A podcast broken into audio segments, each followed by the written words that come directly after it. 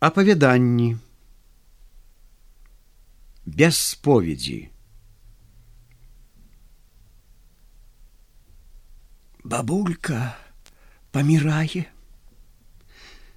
Бабулька памірае шапталі перапуджаныя дзеткі ёрзаючыся на высокім тапчане над загарадкай дзе авечкі зімавалі. Бабулька памірае і паказвалі ценькімі пальчыкамі на цёмны пяколак. А ў гэты самы момант варушылася на пяколку нешта ў шэрых брудных анучах. Гэта была хворая бабулька. Стагнаць яна ўжо не мела сілы, толькі час ад часу высоўвала сваю пахудалую і пажоўклую руку з-пад ануч, быццам сухі яловы сук. Гаспадар запрог гнядую кабылу і паехаў за дзесяць вёрст у мястэчка да папа. Маці спала, не раздзеўшыся на ложку, толькі дзеткі ціха шапталіся. Газніца кідала слабыя праменні святла на цёмныя закураныя сцены і столь убогай хаты. Цяжка было бабульцы і ўздыхнуць, не тое, што крануць рукой альбо ногой. Затое у момант супакойнага і доўгага канання думкі яе акуратна працавалі. Што ж, трэ памерці, не выкруцішся. І хочацца нават, бо нямашачка чаго шкадаваць. Але бадай, ці прыедзе поп. А трэба ж было б, каб ён стаяў пры мне. Трэ было б выспавядацца. Ой, трэ было б. Не грахі толькі свае хацела яна выказаць на гэты раз, А ўсё жыццё сваё. Не грахі, пытаецца бабулька у самае сябе, Ай-яй-яй, калі ўсё жыццё маё грэшнае, Усяя грэшная і паміж грахоў жывуя. Не можа аддзяліць бабулька сваіх грахоў ад тых, што чужыя людзі грашылі рознымі здзекамі над ёй. Палохаецца бабулька чагосьці невядомага, аграмаднага, Не ведае яна, ці скананне скорае пужае яе, ці дагэтуль пройдзены шлях жыцця, Нібы паміж нейкіх няясных рамак, малюецца перад ёй уся яе нецікавая, сумная мінушчына. Стаіць перад вачыма яе той час, калі яна маленькай сіроткай, жыла у аднаго сярдзітага пана.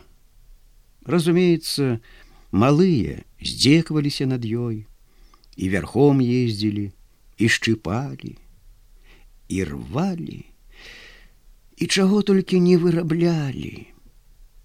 Памятае яна і маладога паніча, который мучыў яе на выгане, як пасля выдалі яе гвалтам замуж за бязносага п'яніцу, фурмана мікіту, который ёй бязлітасна заўсёды косці ламаў.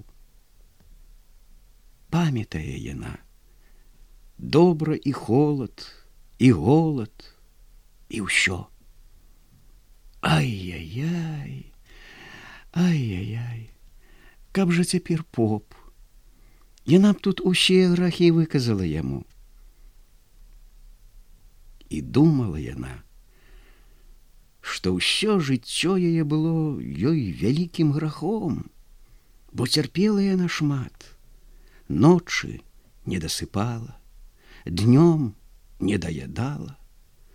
У крывавай працы яна дзяцей сваіх чуць выхавала. Доўгі, грэшны шлях жыцця, жудасна, Ай, каб быў поп, і нешта цёмнае, слізкае, пустое ахапіла яе. Быццам паляцела яна ўніз, у нейкую глыбокую бяздонную яміну. Ціха зрабілася ў хаце. Тені ад газніцы дрыжалі па закураных сценах. Дзеткі, перапуджаныя мяцеліцай, которая гудзела на дварэ, сціснуліся ў адну кучку і нават шаптацца перасталі высунутая пажоўклая рука бабулькі ужо не дрыжала, бо бабулька, не дачакаўшыся папа, памерла без споведзі. Ёсць розныя героі ў жыцці. Ёсць гэткія, якія паміраюць за свайго далёкага Бога ў небе, з верай, што яны там у раю, будуць весяліцца. Ёсць гэткія, што канчаюць жыццё на вайне з уцехай, што ўся краіна будзе іх шкадаваць, Ды гэткія высокія помнікі паставіць ім, што ўсялякі ўбачыць бліскучыя медалі і крыжыкі на шырокіх грудях. Ёсць гэткія, што з безгранічным фанатызмам гінуць за сваю ідэю на шыбеніцы пад тысячу лаянак ворагаў, але сваімі выпуклымі ад болю вачамі пазіраюць яны ў вочы сваіх блізкіх таварышаў, которые моц даюць тлумачачы, не пужайцеся, вы будете жыць у сэрцах наших, будете ахвярамі ідэй наших.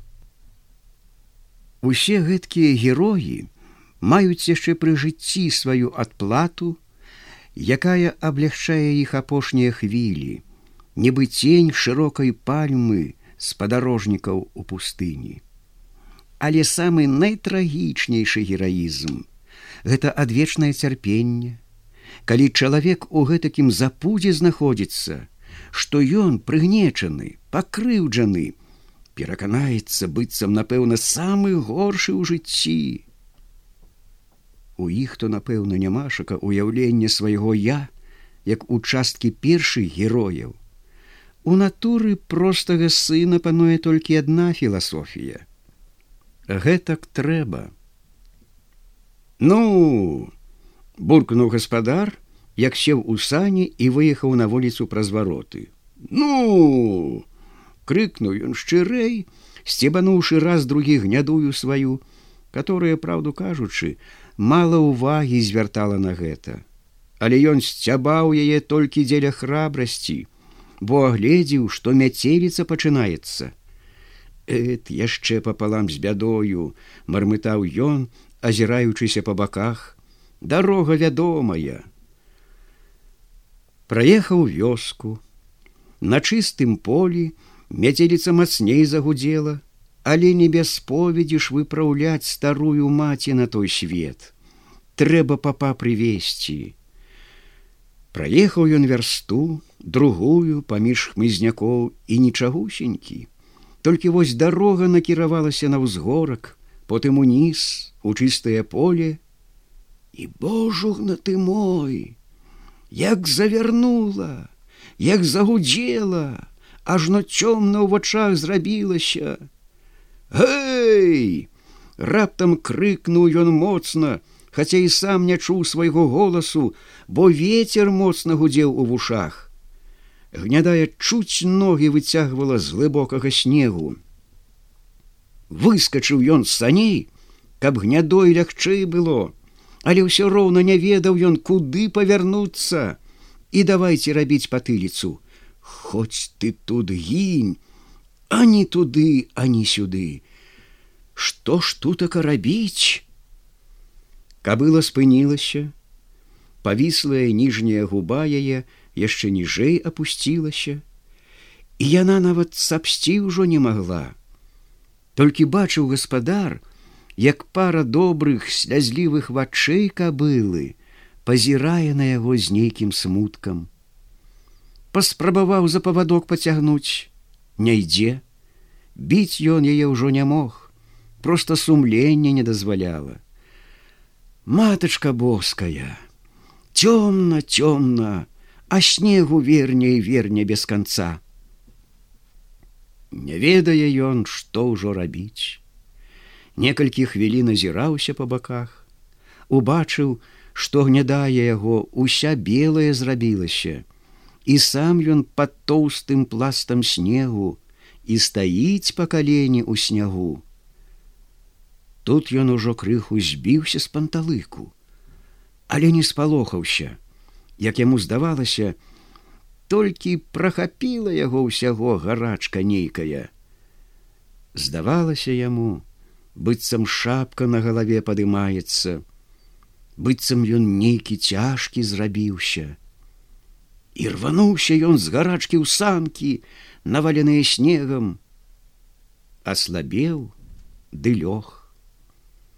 Мусіць памру тут подумаў ён нічога не зробіш мусіць гэтак трэба. Толькі дрэнна што без споведзі. Няхай яго немач зірнуў ён на гнядую сваю. Ужо амаль уся уся ў снягу.